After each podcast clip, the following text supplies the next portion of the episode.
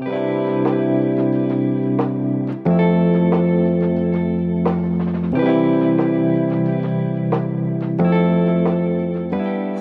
er tema for den første episoden av Lossius, podkast-talkshowet om de viktige, og kanskje de uviktige, tingene i livet, hvor tre gjester inviteres inn i studioet mitt for å prate rundt ett hovedtema. Hver onsdag i åtte uker fremover kommer en ny episode, og jeg kan love deg at gjestelisten den er skikkelig, skikkelig fin. Hver episode avsluttes med en håndplukket låt fra en artist, for hva er vel et talkshow uten musikk? Gjester i episode én av Lossius er Ellen Arnstad, Torbjørn Røe Isaksen og Lars Fredrik H. Svendsen. Ellen bygde opp og var sjefredaktør for magasinet Henne, og var et forbilde for mange kvinner som ønsket seg både barn og karriere. Men Ellen levde også et parallelliv med en sønn som ble gradvis dårligere av en uhelbredelig sykdom, noe hun skriver om i boken Alt du ikke ser. Kan man håpe når det ikke er håp? Torbjørn er tidligere Høyre-politiker og statsråd, og er nå samfunnsredaktør i E24. Han ga tidligere i høst ut boken Ingen tror på nåtiden. Kan man håpe når man ikke tror på nåtiden? Lars Fredrik er professor i filosofi og forfatter av en rekke bøker innen temaet, bl.a. boken Håpets filosofi, og det er han som får mitt første spørsmål. Ellen Lars og Torbjørn, velkommen til studio. Du Lars, hvis jeg sier jeg håper det her blir en god samtale mellom oss fire, bruker jeg ordet håper riktig da? Ja, for det er jo noe du ønsker, men eh, du kan jo ikke være sikker på om det faktisk blir sånn. Dette kan jo gå riktig dårlig. Men siden vi bare skal snakke sammen, så er det grenser for hvor gærent det kan gå også. Ja, ja det er sant. Ja. Men du har brukt en, en, hel bok på å definere håp. Går det an å ta det en eh, elevator pitch for håp? Ja, altså øh, håp må jo knytte seg til noe, noe, man ønsker, men som man ikke kan være sikker på blir øh, tilfellet. Altså det må være noe som er mulig. Og I dagligtalen så bruker vi jo det å håpe og det å ønske litt om hverandre, og det, er som regel ikke noe problem. Men forskjellen på de to er jo at håpet trenger en sånn realitetsorientering. Eh, du kan jo ønske deg hva som helst. Jeg kunne f.eks. synes at det hadde vært veldig morsomt hvis jeg nå hadde lettet fra stolen, levitert og svevd rundt i rommet mens vi snakket sammen.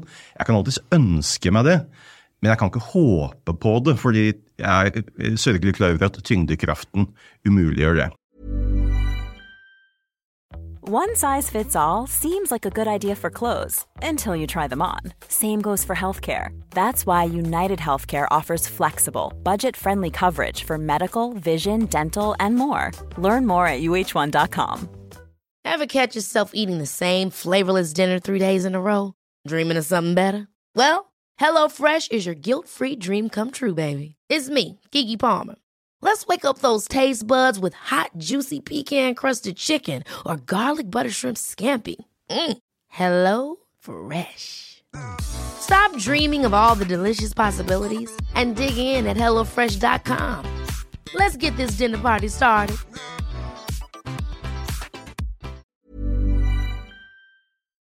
Så det må knytte seg til noe som er mulig.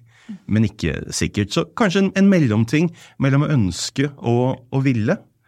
Altså, det er mer enn å ønske, fordi det, det må være mulig. Du må kunne se den reelle muligheten for det. Men det er også noe, noe annet enn, enn, enn, å ville, fordi du vet det er ikke bare opp til din handlekraft. Ikke sant? Det er ikke sikkert at det her går. Men hva er forskjellen på håp og drøm? Er det litt det samme? Nei, altså Jeg vil jo si at ønskedrømmen den, den behøver jo ikke forholde seg til, eh, til, realiteter. Og hvis vi også skal trekke inn sånn som manifestering, som influensere ser ut til å være veldig opptatt av for tiden, ikke sant? så er jo det mer noe som er i ønskedrømmens domene, ikke sant? hvor man gjerne knytter seg sånn the secret og sånn. Så på et eller annet veldig mystisk vis så skal det faktum at det foregår noe i din bevissthet, få verden til å forløpe på en annen måte enn den ellers ville ha gjort. Og det gjør den selvfølgelig ikke. Eh, håpet derimot er veldig typisk knytta til handling. Altså den som håper, handler annerledes enn den som ikke håper, og det kan forandre verden. Og vi ser jo også at hvor håpefullt et individ er, er en ganske sterk eh, predikator for uh, hvor godt det individet lykkes med utdannelse, yrkesliv, relasjoner til andre osv. Og, så og det er ikke bare fordi det foregår noe i bevisstheten, det er fordi den håpefulle handler annerledes enn den som ikke er håpefull. Si en student som håper på å stå på eksamen, forholder seg annerledes til pensum enn en som ikke håper på å stå på eksamen. Så det er egentlig ganske obvious. Men man må håpe og mål, er ikke det litt det samme da? Jo, det kan man, eh, det kan man for så vidt si. At du, du håper på å nå, nå, et mål. Og håp vil jo typisk også være knyttet til at du har noen tanker om hvordan dette kan oppnås, osv. Så, videre. Eh, så ja, det vil være nært beslektet. Elna, jeg leste Lars sin bok, så tenkte jeg på deg ganske mye. Du fødte Joakim fire timer etter at du lanserte henne. Det er jo en bragd i seg selv, må jeg si. Men da han var ganske liten, fem-seks år, så fikk dere en beskjed som var veldig vond. Og det jeg tenker på da, er hvordan kan du håpe når egentlig alt håp er ute? Ja, Joakim var um, Alt var bra med han når han ble født, og så begynte han å se dårlig når han var ja, fem og et halvt. Og så var det ja, mange runder og mange diagnoser, og til slutt, etter to år, så fikk vi den endelige diagnosen, som var en alvorlig genetisk dødelig sykdom. Uh, og hva gjør du når du har en gutt som egentlig bare er litt svaksynt, og du får hele hans uh, skjebne uh, brutalt over bordet? Alt som skulle skje med han, han skulle miste alt. Alle sanser. Han skulle bli multifunksjonshemmet. Ingen visste hvor lenge han kom til å leve. Det var og vi var veldig, min mann og jeg, da, vi var veldig eh, handlekraftige på mange vis som eh, redaktør. Og jeg og han jobbet i humanitær bransje, hadde jo sett alle de store krisene der ute i verden. Eh, så kom plutselig krisen helt inn til oss. Internasjonalt nettverk, vi brukte mye tid på forskere. Det må jo være en løsning. Vi, vi, dette må vi fikse. Og jeg har alltid vært en person både sånn, sånn person eh, og som toppleder gjennom mange år, at det meste fikser vi bare. Det løser seg. Noen ting tar litt lengre tid, men eh, vi skal alltids komme oss gjennom denne krisen på jobben også. Eller enkeltmedarbeidere eh, som plutselig fikk trøkker i livet. Og så, etter en, en stund, så måtte vi bare sette oss ned og egentlig finne ut Eller akseptere, da. At det var ingenting å gjøre med denne sykdommen. Det var ingen forskning som var kommet langt nok. Det var ingen som kunne hjelpe Joakim. Og da på en måte Da hadde vi, vi hadde jo hatt håp. Vi liksom eh, Vi var, eh, vi var eh, aktive, og, og, i den fasen når vi skulle sjekke ut liksom der ute i den store verden, vi var jo villige til å reise nesten hvor som helst.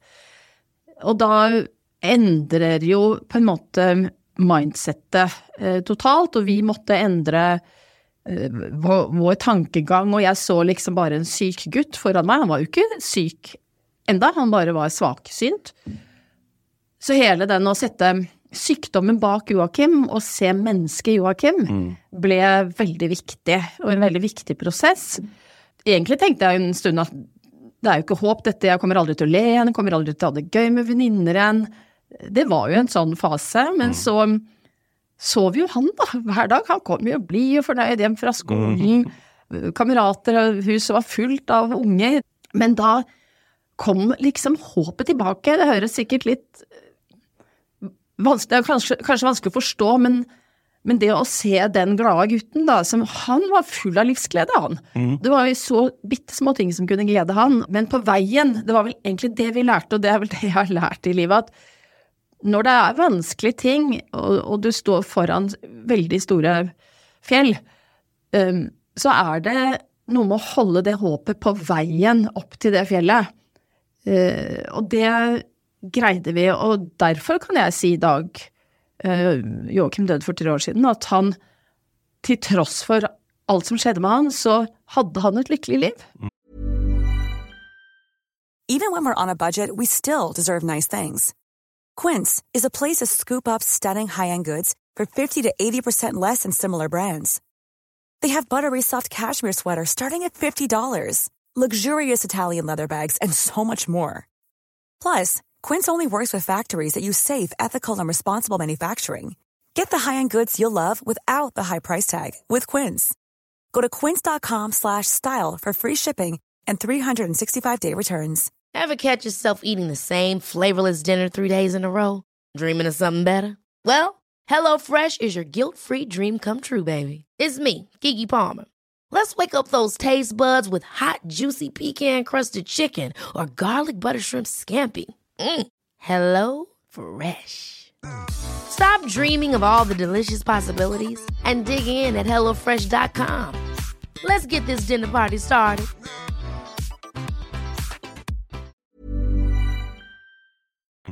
Men jeg tenker jo det du sier der, så, og det skal vi komme litt tilbake til, er at håpet er dynamisk gjennom livet. At det endrer seg. Eh, men Torbjørn, når jeg leste boken din, så du, var du optimistisk, og så gikk det nedover? Eller? Eh, ja, det stemmer nok. Eh, men, men, det er jo en litt annen type sånn optimisme og pessimisme enn vi kanskje snakker om her. Da. For her handler det jo litt om eh, de veldig nære ting. Altså sånn, eh, jeg har tre eh, små barn, og det er et eller annet med eh, så når, du forteller nå, Ellen, så blir det jo eh, Det blir jo veldig nært, ikke sant, fordi at eh, selv om jeg aldri har vært i nærheten av å oppleve noe lignende, så er jo noe av grunnlaget for empati er jo at man kan leve seg inn i situasjonen. Og da bytter man jo ut bildene. ikke sant? Man ser for seg hvordan, man kan bare se for seg smerten. Og det å erkjenne at noe forferdelig er i ferd med å skje, men så finne noe, en trygghet og kanskje til og med et håp i den erkjennelsen, det syns jeg er, du beskrev det på en veldig Mm. vakker måte. altså. Eh, Men så må man ikke Så syns jeg det også er en kontrast, må jeg si. Nå, bare skyte inn at Jeg har jo skrevet en bok som handler litt mer om sånn verden og hva skjer. Krig og sikkerhetspolitikk og øh, hvordan ting ser dystrere ut i dag. Men det er jo mulig å trekke det, dette litt ned til det nære også, og, eh, og si at det å miste håpet helt, det er jo en veldig deprimerende tilværelse. Men samtidig så er jeg veldig skeptisk til dette idealet som, eh, som ble nevnt her, hvor man ser for seg en slags sånn kobling, da, hvor man ser for seg at eh, for å ha håp eller for å være lykkelig, så må man også være vellykket. Eh, og at eh, det å ha frik, et friksjonsfritt liv er ensbetydende å ha, med å ha et lykkelig liv. Og det kan godt hende det er det sånn fra, fra dag til dag. Altså det er ingen som ønsker å oppleve grusomme, fæle ting, tap, sorg i livet. Men hva er det som gjør at man blir fullt og helt menneske? Det er jo å leve en menneskelig tilværelse, og en menneskelig tilværelse har alle disse usikkerhetene ved seg, selv i verdens rikeste land av Norge. Men det er jo forskjellen på altså Motsatsen til håp skriver du det er frykt, men du nevner også apati og et begrep til. Men det er frykt som er motsatsen, er det ikke det? Eh, Det, det kan, kan være det, og ofte så er det jo ikke helt sånn opplagt for oss om vi håper eller frykter heller. Altså Vi kan uh, switche frem og tilbake, og det handler ikke om sannsynlighet. Det kan være veldig høy sannsynlighet for at noe går bra, og likevel så er det først og fremst frykten som sitter i systemet ditt. Eller omvendt. Men altså, jeg kjenner veldig godt igjen det, det du beskriver. Altså, jeg har en nevø med en genetisk uh, betinget lidelse, Duchenne. Uh, og da er også løpet er i en viss forstand lagt. Men jeg skrev en tekst om ham for noen år siden, og den, og den het Et godt og fritt liv.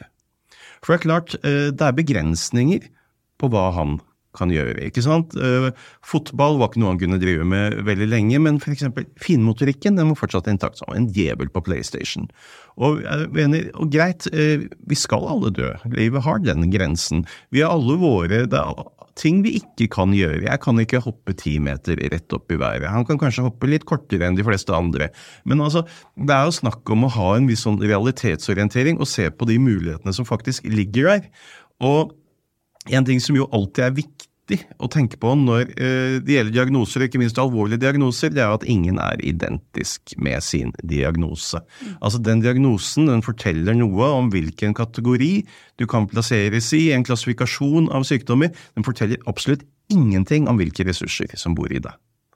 Eh, Det er, tror jeg alltid er veldig viktig å ha med seg når vi kommer inn på alvorlig sykdom. Du skriver jo om pappaen din også i boken. Ja. Med, og der trakk jeg også en parallell mellom eh, dere to.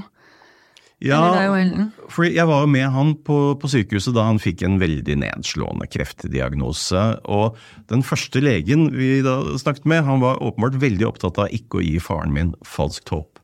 Problemet var at han eh, utraderte absolutt alt håp. Eh, og da er liksom fremtiden er lukket.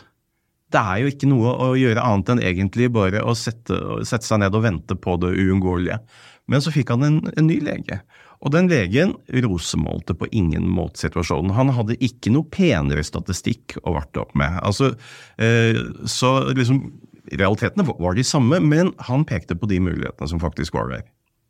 Og han ga faren min en oppgave, nemlig å holde seg i så god form som mulig, sånn at han ville kunne tåle en omfattende operasjon, og også holde seg i form etter operasjonen. Og plutselig sant, så hadde fremtiden åpnet seg litt igjen. Det, det, var, det var, fortsatt stygge utsikter, men det var faktisk mulig å, for, å, å gjøre noe og forholde seg aktivt til den situasjonen. Ever catch yourself eating the same flavorless dinner three days in a row? Dreaming of something better? Well, HelloFresh is your guilt-free dream come true, baby. It's me, Kiki Palmer. Let's wake up those taste buds with hot, juicy pecan-crusted chicken or garlic butter shrimp scampi. Mm. Hello Fresh. Stop dreaming of all the delicious possibilities and dig in at HelloFresh.com. Let's get this dinner party started.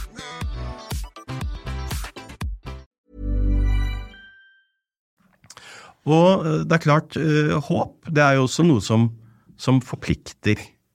Eh, og mm, det forpliktet jo da Når faren min begynte å håpe på at kanskje dette kunne gå bra, så forpliktet det han til å handle deretter. Men det forpliktet også meg, for jeg håpet jo med ham. Så jeg la jo filosofien på hylla i halvannet år og flytta hjem igjen på gutterommet. Og tok med han frem til han da døde, halvannet år senere. For øvrig det smarteste jeg har gjort noensinne. Ehm, så, så, håp har også den der smittende virkningen hvor vi håper sammen. Håp er ikke bare noe vi har hver for oss. Vi har også mindre eller større håpsfellesskap. Hei, Sara Lossius her. Samtalen er jo ikke helt ferdig, og vil du høre resten, og det håper jeg du vil, så søker du opp Lossius i din podkastapp og fortsetter der du slapp akkurat nå. Husk å abonnere, slik at du får med deg hele høstens sesong av Lossius. Jeg håper du vil følge med videre. God lytt!